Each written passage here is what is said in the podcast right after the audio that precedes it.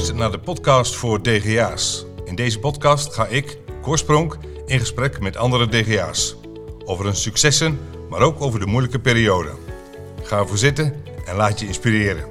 Vandaag ben ik in gesprek met... Martijn Roede. Het is uh, de dag waar we opnemen is het 18 maart. We zijn hier in uh, het uh, pand waar Wagenpartners zit. Hanse 11 in Zwolle. We zitten in De Hans, is het hè? Bij Hans heet het. Ja. Bij Hans. Bij Hans, ja. De Z. Ja. En we zitten hier in, uh, wat, hoe heet deze ruimte? Dit is de Gold Room volgens mij. De Gold Room. Ja. Er staat een wielrenfiets, dus dat is een, uh, een mooi begin. Uh, misschien kort, wie is Martijn Roede? Of mag ik het zeggen? In het kort, nou ja, ik ben benieuwd wat jij gevonden hebt. Ik, ga, ik ga het zeggen. Ja. We kennen elkaar van Business Open, via Business Open. Ja.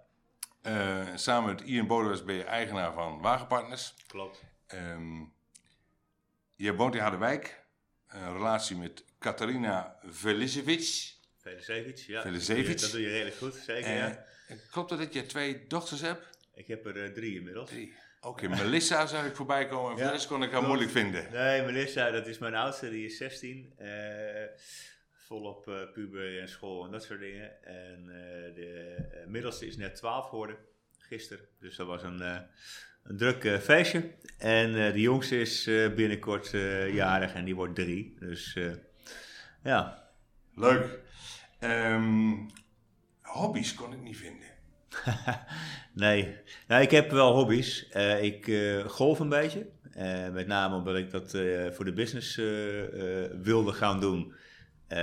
maar het is ook gewoon een leuk spel. Dus dat, dat doe ik niet genoeg, maar wel af en toe. Het kost gewoon heel veel tijd. Um, ik, en mijn grootste hobby is eigenlijk muziek uh, maken. En dan uh, echt uh, achter de computer en dan elektronische muziek. Data Loop zou ja, voorbij komen. Klopt, ja. ja. Soundcloud. Ja, nou dat, is, dat ben ik. En ik werk eigenlijk sinds kort samen met een DJ-producer uit Californië. En ehm, ja, ik moet zeggen dat dat, dat, dat voor ons heel goed werkt. Dat we daar mooie stappen in maken en dat ook de producties beter worden. Uh, maar met name is het voor mij heerlijk om even uh, alles te vergeten. Omdat ik daar echt uh, ja, koptelefoon op en dan helemaal los kan gaan. Ehm, en het is een heel creatief proces. Dat vind ik heel gaaf. En eigenlijk sinds kort ook. misschien hebben ze wel voorbij zien komen wat filmpjes van wagenpartners over car reviews. Waarin we dat toch even anders doen dan de gevestigde autobladen en dat soort dingen. met een beetje een grappige twist soms of nou, leuke vergelijken. Uh, en dat is ook heel erg leuk om te doen. Dus ik wil niet zeggen meteen een hobby, maar het is wel iets wat uh, mijn interesse ook heeft. Ja, ik voel me in één keer als niet techneut in één keer voelde een beetje de spanning opkomen natuurlijk. En dat, uh, dat jij heel veel dingen misschien wel veel technischer en beter bent dan ik. Maar we gaan het, we gaan het meemaken. hoe oud ben je? Ik ben 45. 45? Ja. Kijk, en mijn geboortedatum? 29 november. 29 november, kijk. wat voor auto rij je? BMW 3-serie. BMW 3-serie. En lees je wel eens boeken? Ik lees uh, te weinig boeken. Ik heb uh, wel wat gelezen uh, onlangs. ik heb in ieder geval de zeven eigenschappen van Covey gelezen. Die werd me aangeraden door mijn werkgever met de waarschuwing. Van kijk uit, want dat gaat je leven veranderen. Ik moet zeggen dat het niet zo heftig was, maar dat het wel een heel goed boek is. En dat ik er ook wel veel uit heb gehaald en ook nog steeds wel dingen toepas. Ik zou hem nog eens moeten lezen eigenlijk weer. Uh, en ik heb onlangs uh, uh, van Goldsmith Triggers gelezen. En ook dat is een boek die ja, mij heel erg aansprak. Het nadeel van boeken vind ik voor mezelf dat ik altijd denk: oh ja, maar dan vervolgens de baan van de dag weer ehm, plaatsvindt en ik dan heel veel dingen niet toepas. Ehm, dus nee, ik lees eigenlijk te weinig boeken, maar ik moet ook zeggen: als ik boeken lees, dat ik er niet altijd alles mee doe, zeg maar. Dus. Ben je dan iemand die bijvoorbeeld in, een gesprek bij een klant dat je uh, meeschrijft? Of heb je een iPad waar je wat in tikt of onthoud je alles? Um, nou, ik probeer zeker wel mee te schrijven, want als ik alles ga onthouden, dan, uh, uh, dan komt dat niet goed. Ik ben iemand die heel veel nadenkt en heel veel gedachten heeft. En over heel veel dingen, als ik terugrij in mijn hoofd mee bezig ben, dan, als ik dan op de zaak ben weer, dan ben ik de essentie heb ik nog wel, maar dan ben ik toch de details vergeten. Dus ik schrijf zeker wel mee, inderdaad. Ja. ja. dat heb ik mezelf wel moeten aanleren, maar dat, dat doe ik wel, ja. Ja, nou mooi. Ehm, heb je een idool waar je tegenop kijkt?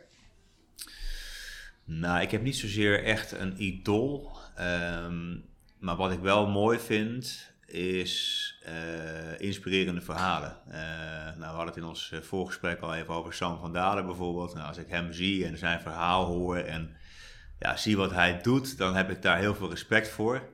Ehm, ik denk, als, ja, idool klinkt voor mij een beetje alsof je zeg maar ergens tegenop kijkt en dat je dat dan ook graag wilt. Of dat je misschien zelfs wel jaloers bent. Of misschien wel. Dus ik ben, ik ben een beetje afgestapt van vergelijken. Want dat brengt voor mij heel weinig. Uh, maar maar ik, ik hou van inspirerende mensen. Uh, en, en dat vind ik heel gaaf om, om te horen, om te zien. Uh, ja, dat kan, uh, dat kan een hele grote ondernemer zijn. Of het kan iemand zijn die in mijn naaste omgeving zit. Of, maar echte idolen heb ik, heb ik niet. Nee. Maar, nou, even terug te komen op je, op je huidige relatie. Die komt uit, uit, uit Rusland, Moskou. Klopt. Hoe, hoe, ben je die dan erop geduikt? nou, dat is heel plat. Uh, gewoon via Tinder. Oh. dus ja, dat, dat, was... Ik heb een lange relatie gehad. En op een gegeven moment was ik... nou, zijn we uit elkaar gegaan. Dat is allemaal heel goed gegaan, gelukkig. Ook mooi voor de kinderen dat dat heel goed is. We hebben een hele goede relatie nog samen. En uh, ja, echt goed, ik ben een beetje gaan swipen. En we zijn elkaar eigenlijk uh, daar dus tegengekomen. En uh, dat was heel erg leuk. We hebben hele leuke gesprekken gehad en elkaar een keer gezien. Ja, en dat, ja, dat, dat klikte heel erg. Dus dat is... En is de voertaal thuis dan Engels ja. of Nederlands? Nee, voertaal, nou, op dit moment is het wel wat gecompliceerder. Op zich de voertaal is Engels. Ehm, maar onze dochter spreekt Nederlands. En, en, of die, ja, die spreekt Nederlands, zeg maar. Maar zij wil ook wel graag de moedertaal leren, uiteraard. Uh, dus zij spreekt Russisch tegen uh, Sasha, zo, zo heet ze. ik spreek Nederlands en samen tegen elkaar spreken we Engels. Um, ik moet zeggen op zich dat het goed gaat, alleen ik versta niet altijd wat ze dus tegen Sasha zegt. maar de voertaal tussen ons is inderdaad Engels, ja. ja. ja. Kun je dan wel een beetje Russisch dan? Nee, nou, een paar woorden, maar ik kan niet. Het is een, ik heb wel een tijdje geprobeerd om het te gaan leren. Of in ieder geval een hele, hele kleine poging ondernomen. Maar um, ja, het is een hele moeilijke taal. En uh, ik ben daar dan ook verder niet in, in, in, in verder gegaan. Dus Russisch, nee, ik ken een paar woorden, maar uh, daar houdt het echt mee op. Ja. En de liefdestaal hebben jullie wel goed begrepen? Ja, die is universeel. Hè? Dus, ja. ja. ja, mooi. Maar ik moet wel zeggen dat. Uh, uh, ondanks dat wij natuurlijk niet uit een echt uh, dag- en nacht verschilcultuur komen. En zij ook niet echt heel erg uh, Russisch is in haar doen en laten, zeg maar. juist tegenovergestelde. Ehm, dat er toch nog best wel dingen zijn die, die door cultuurverschillen, zeg maar, soms wel nou, of botsen of tot wat, wat onduidelijkheid leiden of hebben geleid. Uh, dus dat, uh, dus de, de, liefde is wel, de taal is wel universeel, maar uh, het cultuurverschil is, is af en toe, um, uitdaging is een groot woord, maar dat, dat is er wel af en toe. Ja. Ja, ja. ja. Als ze werkt bij Nike geloof ik, of niet? Klopt, ja. ja. Dus dat is dan, dan zo of je wel wel verwesters, ik weet niet of je dit zo mag zeggen, ja of nee. Ja. Ja, kijk, je hebt typisch, of typisch Russisch, dat is natuurlijk allemaal over één kam scheren, maar uh, dat is een beetje hoe uh, wij tegen Rusland aankijken, maar hoe zij zelf ook. En dat is vrij uh, op jezelf gericht en, en zorgen dat je, ja, jouw hachje eigenlijk altijd redt en veilig stelt. En dat is ook niet heel raar, want het, het is daar natuurlijk een hele andere wereld dan dat we hier kennen. Ehm, daar is niet echt solidariteit. De, de regering is natuurlijk bezig met zichzelf meer te verrijken dan naar het volk te kijken. Uh, waardoor je gewoon uh, ja, heel erg uh, voor jezelf alles moet regelen. En ehm, ja, dat, dat, is, dat is iets wat, wat ehm, mensen wel verhardt. En dat is ook iets wat zij niet heel erg prettig vindt. Dus in die zin is zij niet zo en passen dus ook niet echt in dat plaatje. En ja, passen inderdaad meer in het westerse, zeg maar, of in ieder geval in, in, in deze cultuur hier. Um, als zij bijvoorbeeld door Amersfoort heen loopt, dan zegt ze gewoon heerlijk die frisse lucht hier. Terwijl wij denken van nee, dat is best wel een drukke stad. En, ja. uh, dus dat is, uh, dus dat is, uh, nee, maar ze past hier heel goed. Beter dan in, in Moskou, ja. Ja, mooi. Uit wat voor nest kom je zelf? Ehm, nou, ik heb... Ehm, Waar ben je geboren en Ja. waar ben je opgegroeid? Dat is eigenlijk de vraag. Hè? Ja. Ja, nou, ik, ik ben, mijn ouders zijn eh, mensen die volgens mij eh, eh, ja, niet echt eh, rust konden vinden in, in, eh, in, in, in, eh, waar ze woonden. Want ik ben geboren in Uithuizermede in Groningen, Uithoek. En vervolgens ben ik heel vaak verhuisd. en, en een beetje mijn, mijn geheugen begint ergens in, in Amersfoort. Waar we een aantal keren zijn verhuisd. Nijkerk heb ik een deel van mijn, van mijn vroege jeugd doorgebracht. En op mijn achttiende ben ik naar Harderwijk eh, eh, eh, verhuisd. En, Ben je enigskind? nee, ik, we, we, ik heb nog, of, nee, ik heb, had twee zussen. Eén zus is overleden. Ehm, dus ik, we zijn nu met z'n tweeën nog.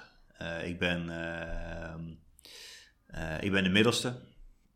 En ja, dus ik heb niet echt een, een, een binding gehad met, met ehm, een bepaalde stad. Of, of, of, en dat, dat miste ik wel heel erg. Dus ik ben wel blij dat ik nu in Harderwijk woon en al een tijd in Harderwijk woon. Waren jullie daar dan ook veel meer als gezin, veel meer op elkaar aangewezen?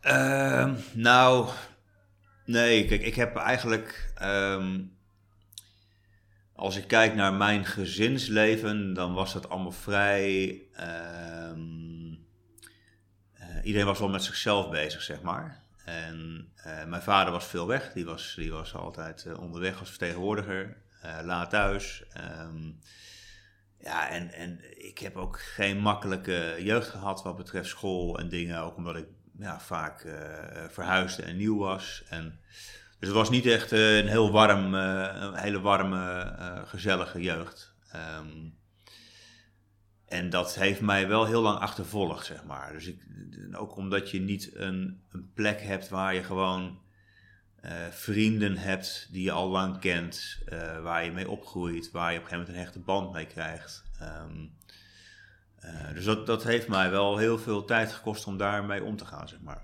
Dus ja, Ja. Het, dat, ja daar, dat is waar ik vandaan kom. Dus je vader was eigenlijk een, een, een reizende vertegenwoordiger, zeg maar. Ja, Ja, altijd in, in hetzelfde soort product zoals jij hebt. Hè? Die hele loopbaan eigenlijk altijd met auto's te maken gehad. ja, ja. Je ja. eerste woordje las ik in je eerste woordje was auto. Klopt, ja. Ja, dat is, dat is echt zo, ja. Ja. Dus dat, dat heeft inderdaad, eh, dat, dat is inderdaad iets wat ehm, ja, blijkbaar in zit. Ehm, ja, mijn vader heeft eigenlijk altijd eh, keuzes gemaakt die voor anderen, eh, dacht hij, de beste waren en niet voor zichzelf. Ehm, waardoor hij heel lang bij een bedrijf heeft gewerkt waarvan ik me, eh, zolang ik kan, kan me herinneren, al hoor van, ja, dat weer, we altijd, op, altijd zeuren en was altijd iets aan de hand. Waarvan ik altijd dacht van ja, maar waarom ga je dan niet weg? Ehm, en uiteindelijk heeft hij geloof ik de laatste tien jaar wel bij een bedrijf gewerkt. Daar heeft hij toen, die stap heeft hij toen gemaakt waarin hij heel, ja, toch wel een heel stuk gelukkiger was en helemaal opleefde weer. Ehm, dus hij heeft inderdaad altijd, eh, om op jouw vraag terug te komen, in, in de automaterialen gezeten. Starter en dynamo's eh, deed hij, eh revisiedelen verkopen. Ehm, dus ja, dat, dat is een beetje, dat, het, ja, ik, heb er altijd wel naar gekeken met een, met een bepaalde blik van ja, waarom maak je niet de stap naar? Maar goed, dat is vanaf de buitenkant makkelijk gezegd altijd natuurlijk. Ja, leef je ouders nog? Ja, ja zijn beiden nog, eh, nog eh, gezond, actief, zijn nog samen ook. Dat is ook nog wel een, eh, een bijzonderheid in deze tijd. Ehm, en ze zijn heel gelukkig, ze zijn heel blij. Ik moet zeggen dat ze echt van het leven genieten samen. En ehm, Als je al de weg bent kun je geen ruzie maken, Martijn. Hè? Dus dat is op zich... Ja, dat is nou, nou, dat lukt ook nog wel, hè? Oké. Nee, dat klopt. Maar ze hebben elkaar op een gegeven moment. Je moet op een gegeven moment ook wel eh, een beetje investeren in dingen. En ik, ik denk ook wel dat zij eh, door alles wat zij hebben meegemaakt. ik bedoel, het verliezen van een dochter is ook niet, niet makkelijk. ehm, dat zij wel altijd bij elkaar zijn gebleven en er altijd voor elkaar zijn geweest. En ik denk dat er wel een hele sterke band is ontstaan daardoor. Ehm, en ze waren ook jong toen ze kinderen kregen, dus ja, dat is ook allemaal niet makkelijk. Ehm, en zeker niet in die tijd. Ik bedoel, het is toch wel een andere generatie. Ehm, dus nee, als ik naar ze kijk, ze zijn gezond, ze zijn blij, gelukkig, ze doen leuke dingen. Dus eh, dat, ja. Maar zou jouw van 160, 65 zijn dan? Ja, nee, die zijn. eh, mijn vader is inmiddels, eh, pak me niet op een jaar, maar die is volgens mij 71 en mijn moeder is 72. Ja. Nou, ik, ik zag je hebt op de Albert Schweitzer uh, uh, in Nijkerk Ja. Dat, eh, dat zal een lagere school zijn. Toen naar Ja. de HAVO. Ja. Je was dus in die tijd best al wel, nou, HAVO, je hebt MAVO en HAVO in die tijd. Ehm, waar, had je altijd al kopie kopie? Nou, ik denk wel dat ik ehm, eh, zeker wel eh, de capaciteit heb, zeg maar. Ehm, alleen, ik heb ook wel eh, een hele grote onrust in mij. En ik weet niet of dat ADHD is of ADD of, of wat voor stempel je erop moet drukken. Eh, ik denk ook wel dat het te maken heeft met hoe het thuis ging en hoe het, wat ik al zei, hoe het met mij ging op school. Want dat was nooit echt heel veel plezier. Ehm, waardoor ik eigenlijk eh, nooit mijn potentie heb kunnen benutten, zeg maar. Dus, dus ja, ehm, eh, capaciteit heb ik, maar het moet er ook wel uitkomen. En dan moet je ook wel in begeleid worden. En zeker op het moment dat je wat meer begeleiding nodig hebt. Eh, ik zie dat nu ook bij mijn dochter, die heel slim is en die heel veel kan, maar die dus geen begeleiding krijgt. En vervolgens op de bank zit. En ik denk dat ze inmiddels vier keer eh, heel YouTube heeft afgekeken. Ehm, dus dat heb ik wel heel erg gemist, eh, die, die begeleiding. En, en het, was gewoon druk en vervelend. En eh, ja, het, de klas weer uitgestuurd. Terwijl ik eigenlijk gewoon iemand nodig had die me bij de hand zou nemen en zeggen van... hé, hey, maar laten we eens kijken hoe we dingen wel kunnen doen. Dus jij was altijd degene die in de hoek stond. Ja, ja. Ja, en daarna als degene die, eh, die ook wel een beetje de clown, hè, want je wil toch een stukje herkenning en de mensen moeten je leuk vinden en dat soort dingen. Dus ik was op school nooit, eh, nooit, eh, nooit de beste vriend van de leraren. Ehm, en eh, nee, ik heb, daar niet, eh, ik heb daar niet hele warme herinneringen aan, zeg maar. Nee. Aan school en aan dat soort dingen. Nee. Want dan heb je MBO ehm, gedaan in Amersfoort detailhandel. Ja, Dus toen was er niet, had je nou een idee van ik moet richting de auto's en niet richting IVA of, of, eh, of iets dergelijks. Nou, heel eerlijk, ik, ik ben nooit zo heel erg ambitieus geweest. Omdat ik, eh, nou ja, weet je, op het moment dat je zeg maar aan het overleven bent, dan ben je, heb je niet echt ruimte voor ambities. Er zijn overigens wel mensen die, die daardoor juist heel sterk willen en, en van alles en nog wat eh, oppakken en, en juist eh, wel die ambities hebben. Maar bij mij werkte dat niet zo. En ehm, ik heb dus eigenlijk gekozen voor iets waarvan ik dacht van ja, weet je, dat, dat kan ik. En eh, ik wil het mezelf ook niet te moeilijk maken. En dat klinkt misschien niet heel mooi, maar dat is wel hoe het op dat moment was. Ja. En ehm, ja, dus, dus nee, niet met auto's. Ik, ik, heb daar, ik had er altijd wel heel erg veel interesse in. Alleen eh, ik heb daar niet eh, over nagedacht om, die, om in die richting wat te gaan doen. Nee, nee. Nee. Dus toen was het, laat ik zo zeggen, het, het ondernemerschap, en hè, zit er nu wel in, maar toen niet. Je hebt, ik heb gezien, je hebt eerst bij Wiegel gezeten als accountmanager en eigenlijk altijd dus wel in het, in het commerciële Ja, eh, werk. Ja. Daar toch wel een beetje de voetsporen van je vader gevolgd. Nou, sterker nog, mijn vader die werkte bij Wiegel. En dat, dat is eigenlijk de eerste ja, echte baan die ik had. Hè. Daarvoor had ik ook allerlei andere dingen. En, ehm, eh, dus ik heb wel dat commerciële eh, stuk gevolgd. Eh, en dat was, ja, mijn vader werkte daar en die, ze hadden mensen nodig. Dus ik ben gesolliciteerd en, en aangenomen. En, en toen ben ik daar aan de gang gegaan. Dus dat, dat, ja, dat klopt, ja. ja. Wat was je voor vertegenwoordiger? Ehm, nou, ik, ik, eh, ben, eh, ik was een vertegenwoordiger die, die, die best wel goede resultaten haalde. Eh, ik kwam in een rayon. Ik ging mee met, met de toenmalige vertegenwoordiger die ik, die ik verving. En toen ging ik een rondje mee en toen dacht ik van nou, ik weet niet wat jij doet, maar ja, voor mij is dit niet wat je moet doen. Eh, en ik kwam ook bij heel veel klanten die, eh, die eh, ja, ons al heel lang niet meer gezien hadden, terwijl hij daar wel langs had, had moeten rijden. Dus voor mij was het echt wel een uitdaging om daar wat moois van te maken. Dus om echt wel te kijken van, nou ja, hoe kunnen we die omzet omhoog? Hoe kunnen we, hè? Dus dat, daar was ik best wel succesvol in. Ehm, en ik ben iemand die heel erg op de relatie zit. Dus gewoon leuke, leuke gesprekken, leuke relaties. Zorg dat je mensen een beetje aan jouw kant krijgt en dan, en dan kun je best wel wat verkopen. Dus dat, dat, ja, dat is wat ik deed. Ehm, eh, maar ik liep een beetje tegen hetzelfde aan als waar, waar ik mijn vader al eh, jaren over hoorde. Eh, dat als een bedrijf niet een bepaalde richting op wil of op een bepaalde manier niet, niet ja, dezelfde visie heeft of, of het misschien zelfs niet zo heel veel interesseert hoe dingen gaan, dan, ja, en op een gegeven moment botst dat, dan wil ik verder en dan komt dat niet. en dan ben ik toch wel, toch wel wat ambitieuzer. Ja, en toen heb ik ook gezegd van, daar moet ik mee stoppen, want hier word ik niet gelukkig van. Nee. Dus. nee. En toen bij een paar, uh, paar autodealers dan denk ik gezeten. Ja, ja misschien was Visser Automotive. Um, dat weet ik niet. Met tenminste Autopellets zag ik zag Oving staan. Ja.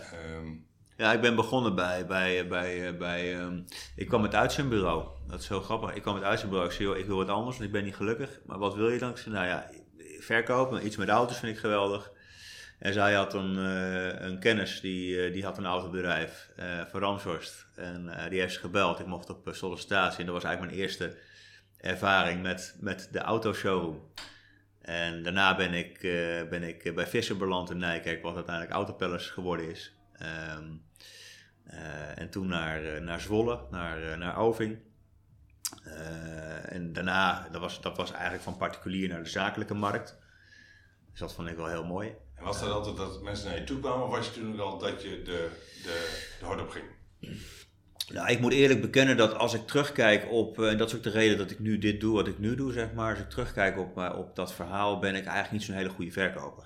Um, en dat komt omdat ik um, het leuk vind om een relatie op te bouwen. Ik vind het leuk om een relatie te onderhouden, om, om goede gesprekken te hebben met klanten, om daarheen te gaan. Maar echt het koude, uh, het koude stuk, Um, dat, dat, dat bord voor de kop en, en gewoon gaan. En, en dat, dat heb ik toch niet in mij. En dat merkte ik ook in de, in de verharding van, van, um, ja, van de markt eigenlijk. Want op een gegeven moment ging het niet meer over, over de auto, maar over hoeveel korting. En dan moest je eigenlijk al uh, verlies schrijven en het uiteindelijk met de bonus aan het einde van het jaar, uh, die je dan van de importeur kreeg, goed maken om, om je aantallen te schrijven. Ehm, ja, en, en dan was je eigenlijk niet meer bezig met adviseren, maar dan was je gewoon bezig met een offerte uitbrengen. En als die scherp genoeg was, dan mocht je misschien leveren als niet de andere dealer dan nog scherper was, zeg maar. Uh, en dat vond ik gewoon geen prettige ontwikkeling. Dus, dat, dus ik merkte gewoon dat ik daar niet gelukkig van werd, zeg maar. En dat ik ook niet gelukkig werd van um, het moeten verkopen van iets wat ja, je toevallig verkoopt, zeg maar. Ja ja, dat... Maar op zich, je zou zeggen, als, als iemand naar, een, naar, een, hè, naar een, eh, een, een, auto gaat kijken, dan is, is, zou ik wel zeggen, dan is de verkoper wel heel erg bepalend.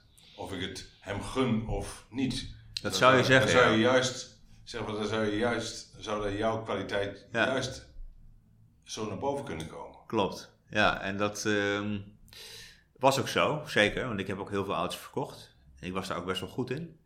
Alleen op een gegeven moment was het zo dat, uh, zeker na de crisis in 2008, uh, eh, mensen uh, bij mij een heel goed gesprek hadden. Maar dat ik hem niet kon afronden, omdat ik niet de juiste, um, ja, misschien de juiste verkooptechniek toepaste. Of dat ik misschien niet te pusherig was, of dat ik misschien niet want je merkte gewoon dat mensen met een heel goed gevoel uh, de auto kwamen laten zien die ze ergens anders gekocht hadden. Van kijk eens wel, fantastisch en we hebben een Peugeot gekocht hoor, maar dit is hem geworden. En dan dacht ik, ja, maar, volgens mij niet bij mij. Ik, ik weet niet, maar wat is er dan, wat is er dan misgegaan? Ja, ja, ja. Um, dus ja, je hebt gelijk, zeker is dat heel belangrijk. Alleen dat werd, dat werd dus steeds minder belangrijk. Ze wilden nog wel dat goede gesprek en een heel goed advies. En dan vervolgens gingen ze de markt op om te kijken. Was, hè, en dat, dat, dat was een autobedrijf niet uniek in. Ik bedoel, dat gebeurt ook bij de mediamarkt en bij de. Noem alle andere elektronica zaken op waar mensen dan gaan kijken om, uh, om advies en dan vervolgens op internet de goedkoopste kopen. Dus dat, dat, ja, dat is wel een verandering die ik echt heb zien gebeuren. Zeg maar. Ja.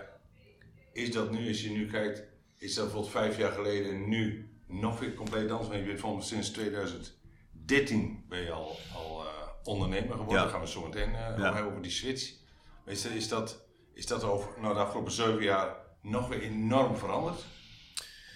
Um, als ik kijk naar de verkopers, want daar hebben we best wel veel mee te maken, dan denk ik dat daar niet heel veel veranderd is. In ieder geval niet in de, niet in de goede zin.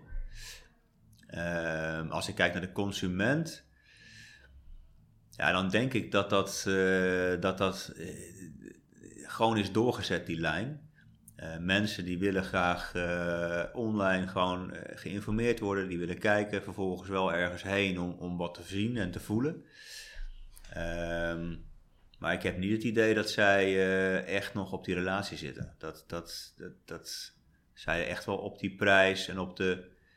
ehm, ja, echt- ik wil niet zeggen dubbeltje op de eerste rang, maar dat, dat is wel iets wat heel erg speelt. En is dan in jouw beleving dan het gunnen nog, nog belangrijker geworden of eigenlijk juist minder belangrijk geworden? Nou, ik denk uiteindelijk, als ik kijk naar de bedrijven die het heel goed doen, dat die het echt van de gunning moeten hebben. Eh, alleen dan heb je het over wat verkoop je. Kijk, als jij een nieuwe auto verkoopt, die is overal hetzelfde. Ehm, en op het moment dat jij een gebruikte auto verkoopt, dan kun je dus veel meer waarde toevoegen in het proces. En wat ik heb gezien, en dat is wel een hele grote verandering. Ehm, ik kom bij Visser Automotive vandaan, hè, dat, dat, is nu overgenomen. Dat was toen een bedrijf met twee vestigingen, waar we gewoon goed auto's verkochten. Ehm, ja, zo'n bedrijf, dat zie je gewoon verdwijnen. Dat kan niet meer. De, de kosten zijn te hoog, de eisen zijn te hoog. Ehm, dus dan wordt dat een groot bedrijf in een, ja, in een, in een grote holding. Die een visie heeft, maar hoe groter, hoe, hoe moeilijker het is om die visie ook helemaal door de gigantische organisatie te laten eh, dalen. Eh, dus je merkt gewoon dat dat volgens mij minder persoonlijk wordt. Dus dat, dat het, het gunnen op zich nog heel belangrijk is. Alleen dat eh, je bent in zo'n grote dealerholding ben je zo afhankelijk van zoveel schakels. ja, dat het op heel veel punten ook mis kan gaan, zeg maar. Ja. Ehm, dus ik denk als je onderscheidt, als je je echt onderscheidt, dus echt met goede service, echt met onafhankelijk advies, met, met echt een goede, hè, dat je daar best wel goed kunt verkopen. Maar voor nieuwe auto's ja, zie ik eerder de trend dat het ehm, ja, minder om gunnen gaat, maar meer echt om prijs en dat je zo groot mogelijk bent en daardoor ook gewoon de beste deals kunt aanbieden. Zoals bijvoorbeeld destijds wat ik wel hoorde bij Tesla, dat was gewoon, je, je, je kocht een auto en je hem ergens achteraf op een grote parkeerplaats kon je hem ophalen. Ja, Maar er was eigenlijk nou, heel weinig persoonlijk contact, zeg maar.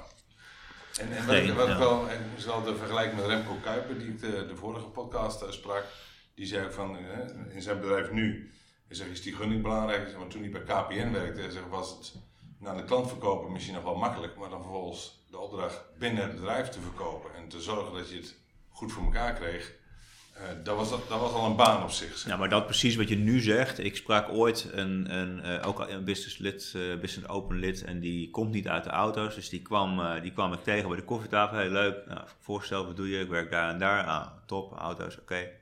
Dat heb ik ook gedaan. Dus eh, ik, zei- hij zei, maar kom niet uit de branche. Nou, het eerste wat je moet doen als je maandag naar de zaak gaat, is gewoon taart halen. En die ga je naar het magazijn brengen. Dus je gaat taart halen, die ga je naar de receptie brengen. En daar moet je vriendjes mee doen. Want dat zijn de belangrijkste mensen van het bedrijf.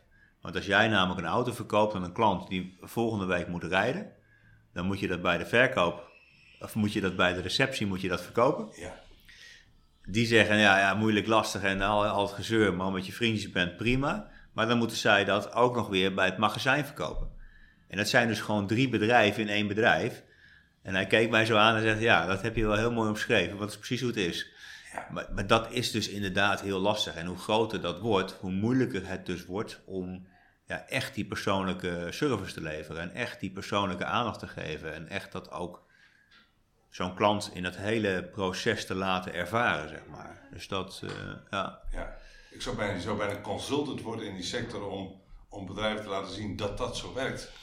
Dat het eigenlijk dus, je zult maar eigenaar zijn van zo'n groot bedrijf en weten dat, dat er in jouw bedrijf dat aan de hand is. Ja, maar de bedrijven weten dat. En ik heb bij heel veel dat soort consultants aan tafel gezeten omdat we trainingen moesten volgen. En daar zie je, eh, eh, je moet het documentaire Autobedrijf 2.0 maar eens kijken. Dat is een heel mooi voorbeeld.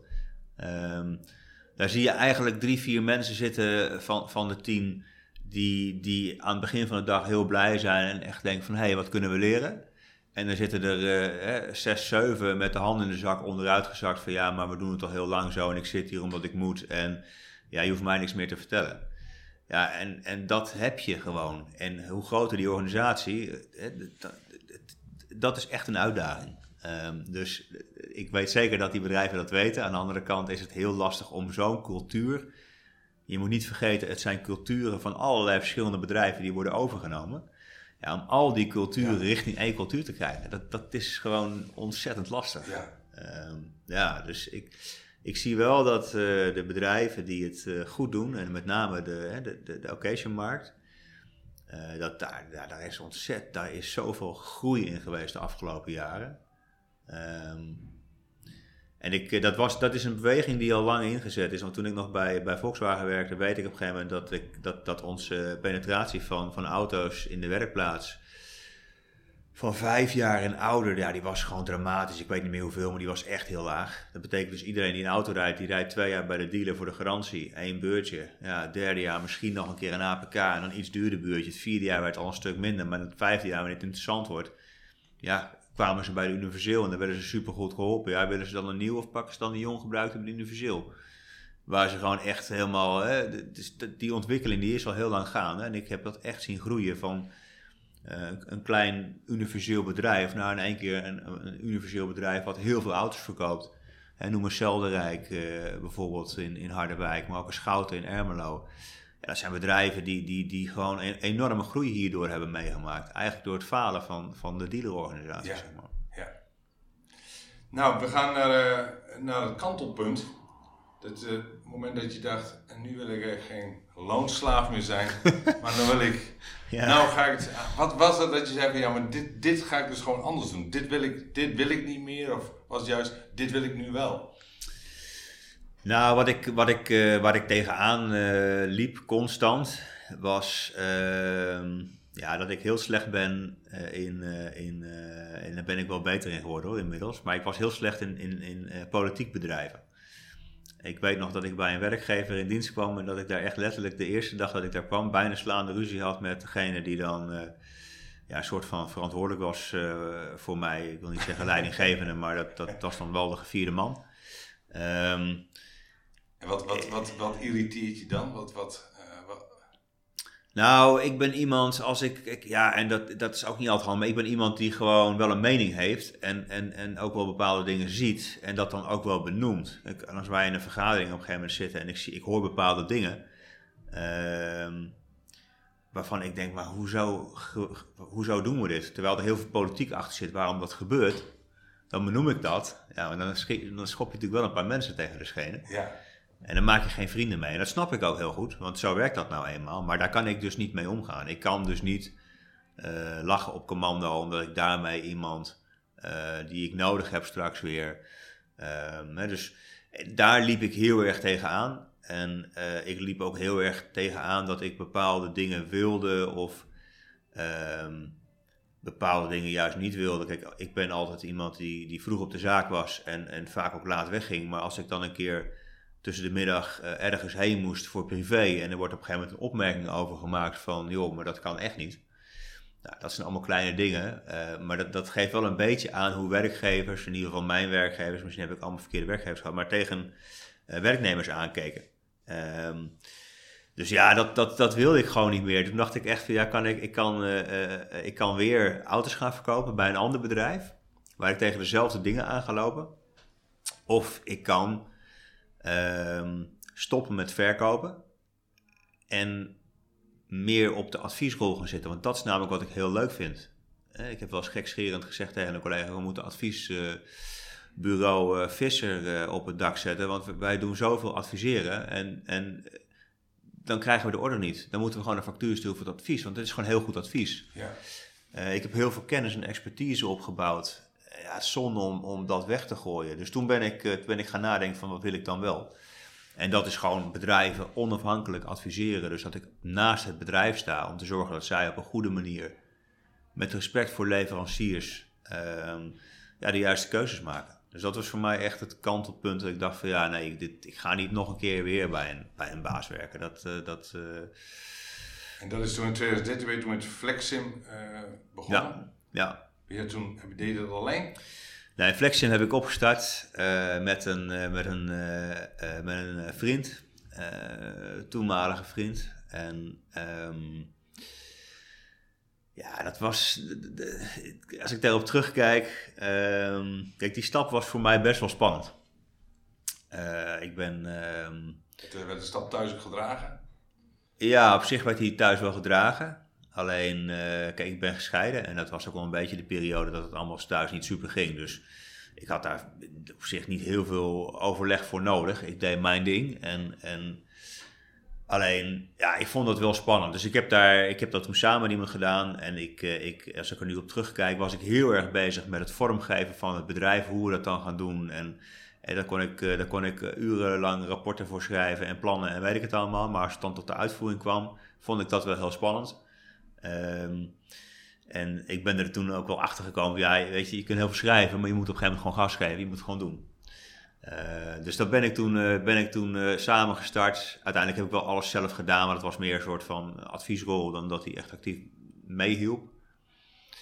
Um, en wat deed Flexim? Dat was, zou ik maar zeggen, waar je anders niet voor betaald kreeg. Advies in mobiliteit was dat dan denk ik? Ja, ja. Dat eigenlijk gewoon voor bedrijven doen. Dus eigenlijk onafhankelijk van welke auto, welke leverancier dan ook maar.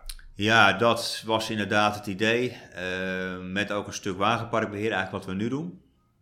Uh, maar ik, ik was, het, was een, het was gewoon, de propositie was niet helder genoeg. Dus ik deed heel veel. En uh, ja, uiteindelijk merk je dan dat de klant dan ook niet begrijpt wat je doet. Dus ja, dan zit je aan tafel, maar ja, oké, ja, ik hoor wat je allemaal kan, maar wat, wat, wat heb ik eraan? Of wat, nou, dus, ja. Uh, maar we deden in feite, en dat is het wat ik het meest gedaan heb, is inderdaad advies geven. Dus echt adviestrajecten bij bedrijven. Uh, hoe doe je het nu? Hoe kan het anders? Hoe kan het beter? Met name dan op het wagenpark. Uh, alleen dat was een heel lastig concept. Mensen begrepen dat niet. Die moesten mij geld afrekenen voor iets waarvan ze niet zeker wisten wat het dan gaan opleveren. Uh, ja, maar wat bespaar ik dan en hoe dan en hoe ga je dat dan doen? Nou, dat, we hebben goede resultaten geboekt. We hebben aanbestedingen gedaan. We hebben echt bedrijven geholpen om heel erg te besparen. Uh, dus op zich was dat wel goed. Alleen uh, ja, het verhaal, de propositie, ja, op dat moment sloeg niet aan, zeg maar. Maar was je op dat moment, was je dan eigenlijk, was je, waar ze normaal iemand voor in dienst hadden, die werkzaamheden, die voeren jullie dan dat moment uit? Nou, het, het, nee, want degene die in dienst was, die doet vaak niet, uh, uh, die, die, die denkt dat hij het goed doet of, of die weet misschien wel dat het beter kan. Alleen, je moet je voorstellen, als je weinig kennis van de markt hebt, uh, dan doe je het al snel goed. Dan denk ja, dit, dit, hè, ik vergelijk het wel met vroeger deden mensen de was met de hand. want er was geen wasmachine en men kende het ook niet, dus dat is prima.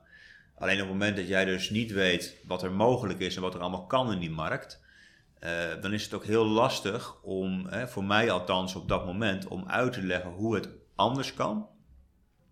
Dat kan ik wel in een heel mooi rapport. Maar om dat uit te leggen wat ze dan krijgen en hoe dat dan voor ze werkt. En uh, dat ze dan ergens anders moeten inkopen. Of bij een partners afspraken moeten maken. Of de schadeafhandeling anders moeten regelen. Of de verzekering op een andere manier moeten insteken. Of uh, misschien wel van koop naar lease moeten of andersom. Ja, dat, dat is, dat, dat, dat, ja, die mensen die, die denken, ja, we doen het toch goed? Dus ja, ja, moet ik nu geld gaan betalen voor een rapport, maar, maar wat ga je dan doen precies? Ja, hoe dan? En die snappen dat. Dus dat was een lastige, zeg maar. Dus het was niet zozeer de taak overnemen. Het was gewoon meer helpen degene die het doet. Uh, helpen om het beter te doen en, en het kostenefficiënter te doen, zeg maar. Ja. Dus je hebt, dat bedrijf had je toen van jezelf, een vriend van jou die, die helpt jou, die adviseert jou. Ja. Um, hoe ging je toen met die eenzaamheid of toen moest je, je moest zelf allerlei dingen beslissen. En nou, mooi dat een vriendje wat adviseert, maar hoe. Ehm, nou, dat is, uh, dat is eigenlijk voor mij wel uh, los even van wat ik net schetste, zeg maar, wat een uitdaging is. Want handel binnenhalen. Ik denk, ik heb een supergoed verhaal, ik ga bellen en, en dat gaat top. Nou, dat is echt een van de lastigste dingen. Uh, maar op de tweede plek, of misschien wel een gedeelde eerste plek, is inderdaad die eenzaamheid. En met name als je uit loondienst komt, um, je bent niemand meer verantwoordingsschuldig, behalve jezelf. En op het moment, ik, ik heb heel lang heb ik mij schuldig gevoeld als ik niet acht uur per dag werkte. Dus dan, dan keek ik van, heb ik al acht uur gewerkt? Ja, dan kan ik nu, oh, dan kan ik nu wat doen. Dus het, het voelde eigenlijk niet als vrijheid. Het voelde meer als, uh, oké, ik kan doen wat ik wil, maar, maar toch uh, uh, ja, vind ik het nog heel lastig. Want de baas Martijn was eigenlijk nog, nog, nog was strenger dan uh, de werknemer uh, Martijn Roet. Zeker ja. ja, ja. dat, dat absoluut. Um, nou, en, en, en met name, want op zich moet ik zeggen dat dat in het begin heel goed ging.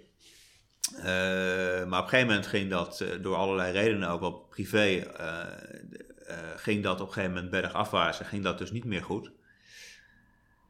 En ik merkte gewoon dat dat uh, kwam doordat ik geen doelen stelde. Want ja, op het moment dat jij een doel stelt voor jezelf en dat uitspreekt en dat ook deelt met anderen, en daar ben ik zo achter gekomen, dan wordt dat dus iets wat tastbaar wordt. En maar dan, dan wordt het ook iets waar je dus, ja, wat je ook kenbaar maakt, waar je dus ook niet meer, je kunt je niet meer verschuilen, zeg maar. Niemand kan tegen jou zeggen van het gaat slecht of het gaat goed als jij je doel niet deelt. Maar als jij het doel wel deelt en iemand ziet dat dat niet gehaald wordt, dan kun je vragen krijgen of mensen kunnen daar wat van vinden. Of, uh, dus, dat, dus dat heeft mij wel heel erg geholpen om uh, uiteindelijk echt de volgende stap te maken en ook verder te komen. Want ja, zonder doelen uh, leef je een beetje van opdracht naar opdracht. En als die dan niet doorgaat, ja, dan moet je weer opnieuw beginnen. Terwijl je maar ja, eigenlijk een beetje in de marge aan het rommelen bent. Ja. Uh, dus dat heeft... voor jezelf wel niet van, ik wil dat salaris eruit uit kunnen halen. Of ik wil... Toen niet, nee. nee. En nu heb ik hele heldere doelen. We hebben, uh, we hebben uh, ik moet, ja, voor twee jaar geleden, maar in feite is het jaren, anderhalf jaar geleden, in 2019, eind 2019, ben ik heel erg bezig. Daarvoor was ik al bezig met doelstellingen en, en, en met het helder omschrijven wat jij zegt. Hè, wat moet ik eruit halen? Wat moet ik er dan voor doen? Hoe ga ik dat dan realiseren? Uh, en dat geeft al heel veel handvaten om ook de juiste dingen te doen, zeg maar. En ook te weten dat op het moment je de dingen niet doet die je zou moeten doen, nou, dan, zie je dat ook meteen terug. Dus dat is heel fijn. Maar nog steeds was, mijn, uh, was op dat moment mijn propositie nog veel te breed. En, en was, het, was het ook nog niet helder. En we hebben eigenlijk 2019 de keuze gemaakt om um, ja, puur te focussen op wagenparkbeheer. Heel helder, dit is wat we doen. We beheren wagenparken voor het MKB. Klein midden, dus uh, tot, tot 40, 50 auto's zo'n beetje. Dat is een groep waar we vaak met de ondernemer aan tafel zitten, waar een HR-dame over het algemeen uh, zit. Uh, die er niet zoveel zin in heeft, die er misschien niet zoveel verstand van heeft en het ook niet zo leuk vindt. Nou, daar kunnen wij echt waarde toevoegen. En daar kwam een nieuwe naam, een nieuwe huisstijl, een nieuwe website. En dat heeft heel veel in gang gezet. Hè. Samen met die doelstellingen was het in één keer helder wie we waren wie we zijn. En was het in één keer helder waar we heen wilden, of heen willen. Um, ja, dat maakt het verhaal veel makkelijker. Ja, maar dan even heel concreet, wanneer moeten ze dan jou bellen of jouw compagnon of zo hebben hoe, dat, hoe die erbij is gekomen? Maar, maar...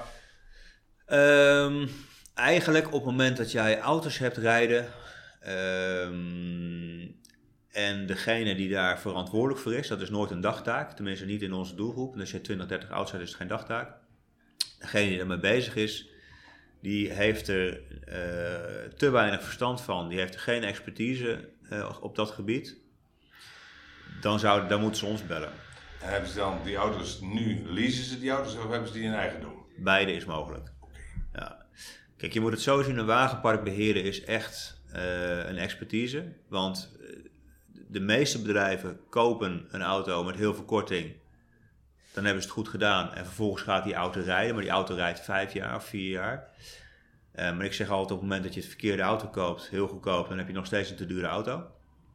Um, en datzelfde geldt voor lease. Heel veel bedrijven die, die vergelijken leaseoffertes. En, en, en leasen dan de goedkoopste. En vervolgens gebeurt er vier jaar uh, niks met, die, met dat leasecontract. Dat loopt door, dat wordt een keer aangepast en noem maar op. En juist op dat stuk inkoop zijn wij heel scherp, omdat wij connecties hebben. Wij kunnen met, uh, met de eh, partijen waar we mee samenwerken uh, heel scherp inkopen. We vergelijken ook die partijen altijd op dezelfde voorwaarden. Uh, dus dat resulteert gewoon echt in verschillen soms op leasecontracten tussen de 100 en soms wel, wel, wel, wel meer per maand. Hè, en een beetje afhankelijk van de grootte van de auto. Dus daar heb je al je eerste winst te pakken. Maar vervolgens gaat zo'n auto rijden. En rijdt hij misschien meer of minder kilometers. Maar dan moet het contract worden aangepast. Maar wat is dan reëel? hij gaat van 500 euro naar, naar 4,500 euro. Maar, maar is dat wel reëel? Of hij gaat van 500 naar uh, eh, 600 euro. Ja, is dat niet te veel? Is, is, is dat wel reëel? Dus dat, dat is wat wij dan bekijken. Uh, maar ook adviseren van Mooi voorbeeld, er komt bij een klant en er rijdt een auto, die rijdt 10.000 kilometer per jaar. En dat is gewoon een hele dikke Volkswagen uh, Touran diesel. Maar waarom dan? ja, ja, hij past ook al niet binnen budget, maar we hebben wat met de kilometers aangepast en toen paste die wel. Ja, dat is niet hoe je een budgetberekening maakt, want dat is namelijk voor iedereen hetzelfde. En je moet ook geen diesel rijden, dus die was heel goedkoop ingekocht, maar een totaal verkeerde auto. Ehm, dus op dat vlak adviseren wij ook. Ehm, dus je bent er gewoon zeker van op het moment dat je ons belt, dat jouw wagenpark optimaal beheerd wordt en dat je ook tevreden bereiders hebt die binnen de, de, de, de, de normen die je stelt als werkgever uh, gewoon ja, de, de, juiste auto's kunnen uitzoeken, zeg maar. Ja, en is het, uh, um, het is echt altijd auto's, dus bedrijfsauto's en luxewagens? Ja. Of ook nog andere dingen die uh, in de lease zouden kunnen vallen? Um, nou, als je het hebt, het is altijd mobiliteit. Um, heel actief zijn we niet bezig met bijvoorbeeld fietsen, maar er zijn wel een aantal zorginstellingen waar we ook daarnaar hebben gekeken en ook hebben geadviseerd. Uh, want dan heb je het over een fiets of over een elektrische scooter. Dus wij kijken altijd wel mobiliteitsbreed wat er kan. En wat je ziet is dat de laatste tijd ook wel een klein beetje meer gekeken wordt uh, naar bijvoorbeeld mobiliteitsbudget. Dus iemand krijgt geld en die mag dan zelf wat regelen. Uh, alhoewel dat in onze doelgroep, de, de, echt midden-kleine MKB, minder urgent is dan op de grote corporates die op de Zuidas zitten, waar geen parkeerplekken zijn en mensen allemaal uh, ja, in Amsterdam of omstreken wonen en niks met een auto kunnen. Uh, maar dat is wel een beweging die gaande is. Maar we doen eigenlijk alles met mobiliteit. Dus als je het hebt over printerslease of dat soort dingen, dat, dat doen we niet. Nee. nee. en en Noordoost-Nederland, heel Nederland? waar... Heel Nederland. Ehm, want ja, wij kunnen in feite heel veel online, zeg maar. We werken natuurlijk, eh, we werken natuurlijk gewoon uh, ja, online. De, de, acquisitie, moet ik zeggen, door de corona is ook grotendeels online nu. Ehm, maar je merkt wel dat regionaal gezien Ian zit in het noorden van het land en daar ook best wel veel relaties heeft. En je merkt dat dat ook wel werkt. Hè? Dus dat je gewoon relaties hebt die weer door, dingen weer doorvertellen en dus in dat, eh, in dat opzicht is het wat meer georiënteerd op Noord-Nederland, dus een regio van mij. Uh, maar als we het hebben over onze koude acquisitie en, en, en uh, marketingactiviteiten, dan is dat dan echt landelijk. Ja, en Ian, uh, die naam hoorde, had ik aan het begin ja. genoemd. Wat is Ian met jou in contact? waarom niet meer alleen? Waarom was dat om die focus te houden, om wat meer die doelen te stellen? Is Ian er goed in? Mm, nou, bij, ik, wat ik. Um, op een gegeven moment, wat ik, wat ik, bij, op een gegeven moment ik zei, ik heb, de, ik heb een andere visie gekregen over hè, wat, wat ik net schetste, wagenparkbeheer, ik wil ergens heen, uh, strakke doelen, uh, naamsverandering, noem maar op. Met Ian werkte ik al samen bij, bij de leasemaatschappij waar hij toen uh, werkte. hij was onze accountmanager, mijn accountmanager. En dat klikte heel goed. En hij belde mij op een gegeven moment op, viel meteen met zijn privételefoon. Dus ik wist niet wie ik aan de lijn had. Maar hey, ik bel je even met privé. En dacht ik van oké, maar dat is niet, het zal, zal vast wel iets zijn. En uh, hij zei, joh, ja, even onder ons, maar ik zit niet echt op mijn plek meer en ik wil een keer met je praten. Ik zei, nou prima, dat kan. Ik was niet op zoek naar iemand. Uh, maar ja, ik heb hem al een jaar of anderhalf jaar uh, zien werken. Ik denk, ja, hij is wel een goede gast. En wat zag hij nou in jou dat hij zei, ik moet eens even met jou praten? Nou, echt dat, dat ehm, dat onafhankelijke adviseren van je klanten. Dus echt het naast je klant zitten. Wij zeggen altijd, we zijn in dienst van de klant, maar je betaalt niet uh, je werkgeverslasten. En als we ziek zijn, dan, dan wordt er ook gewoon doorgewerkt. Dus we zitten echt naast de klant, eigenlijk een soort van in dienst van de klant. Um, en dat sprak hem heel erg aan. Hij zei, zo werk ik ook wel een beetje bij de lease. Alleen ja, dan moet je gewoon lease orders schrijven. Als je niet genoeg streepjes hebt, ja, dan doe je het niet goed. Dus dat is wat hem heel erg aansprak. Ja, oké, dat is het werk. En dat is je visie. Maar Waarom Martijn? Nou, ik denk dat wij uh, elkaar... Jullie werken nu, jullie zijn samen dan uh, nu in een bedrijf. Dat is bijna erger dan trouwen. Nou, dat is erger dan trouwen, ja. nou ja, dat, dat, het klikt gewoon. Um, wij zitten een beetje... Nou, we zitten heel erg op dezelfde lijn qua humor. We zitten heel erg op dezelfde lijn qua... Ja, we zijn wel andere personen, heel erg. Dus dat, is ook fijn. Hè? Dus opposites attract. Uh, we, zijn hele, we zijn hele verschillende persoonlijkheden. Maar aan de andere kant delen we ook heel veel. Um, en ik denk dat wat hem ook aansprak, is dat um, nou ja, ik, ik best wel uh, ook gedreven ben, zeg maar. en ook best wel, ja, gewoon een visie heb waar ik heen wil, zeg maar. Dus dat, dat heb ik ook met hem wel gedeeld op het moment dat we nog niet samenwerkten. Maar samenwerkt in de zin van dat hij bij de leasemaatschappij zat en ik aan de andere kant. Ja. Hebben jullie nu 50-50? Nee, we zijn nu bezig met. Uh, nee, we, we, zijn in 2019 is hij bij mij in dienst gekomen. Uh, eigenlijk met de, met de gedachte, we gaan een keer. Toen, toen had ik nog een andere compagnon. Dat was toen mijn autocoach. We hebben inmiddels een switch gemaakt naar uh, mijn autocoach en, en nu, nu wagenpartners. Nou, met die compagnon heb ik, uh, heb ik een tijd samengewerkt. Alleen, ja, ik merkte dat dat meer een last dan een lust was. En dat lag niet aan de compagnon, maar dat lag meer aan het feit dat hij zijn eigen business had. En, en ja, er gewoon weinig tijd was om, om samen dingen te doen. Um, daar heb ik met Ian ook gesprekken over gehad. En Ian zei op een gegeven moment, maar ik zie ja, de constructie die je nu hebt, ben je daar gelukkig mee? En met hem ben ik eigenlijk ook in gesprek geraakt. En toen dacht ik bij mezelf van, nou, hier ben ik ook helemaal niet gelukkig mee. Ik moet hier echt uit. Dus dat, dat hè. hij was in dienst. Hij wilde graag voor zichzelf ook wat gaan doen. Die afspraak hadden we ook gemaakt. Um, in 2020 heb ik de aandelen volledig overgenomen. Toen waren we inmiddels ook wagenpartners. Ian was toen nog steeds in dienst en we hebben de afspraak gemaakt dat hij in de komende twee jaar eigenlijk zichzelf inkoopt. Ehm, en dat zit hem eigenlijk met name in het feit dat ik weet hoe lastig het is als je van loondienst naar ondernemerschap gaat. Um, want dat, dat, dat, zijn twee totaal verschillende werelden. Het, het is echt, um, het is, dat is echt heel anders. En het is heel fijn dat op het moment dat je samen een commitment hebt, want die hebben we wel, eh, we doen het samen en het voelt ook als van ons samen. Uh, maar ik, ik heb wel geleerd, ik wil het ook zakelijk bekijken. Dus ik wil ook wel zien dat die waarde die je toevoegt, um, nou, dat, dat die ook blijvend is. Dat die ook klopt met hetgeen wat je zegt en, en hetgeen wat we zien. Uh, dus daar hebben we er een tweejarig traject van gemaakt waarin hij eigenlijk al voor het gevoel eigenaar is. En zo, hè, zo, zo praten we daar ook over. We doen het ook echt samen. Uh, maar hij nu uh, inmiddels uitlonings is en voor zichzelf zeg maar uh, bij mij aan het werk is, of in ieder geval voor wagenparts aan het werk is. En dan in twee jaar tijd zeg maar zich voor de helft inkoopt. Dus dat is eigenlijk de constructie die we op dit moment hebben. Um, maar het is meer het stukje juridisch. Kijk, het voelt wel echt als van ons samen. Dus het is echt wel ons kindje. Zeg maar. ja. ja. ja. Wat is nou, ik vind het wel mooi, wat is nou een typische Martijn Roede klant? Eigenlijk dat is hem. Een typische... er zijn er heel veel, maar een typische. Ja, een typische Martijn Roede klant is iemand die op persoonlijk vlak zaken doet. Die, uh, dus die, die dat dus belangrijk vindt. Dus een stukje persoonlijk contact. Uh, iemand die ondernemend is, dus die kansen ziet. Uh, en iemand die open staat voor opbouwende, ja, kritiek wil ik het niet noemen, maar wel opbouwende adviezen.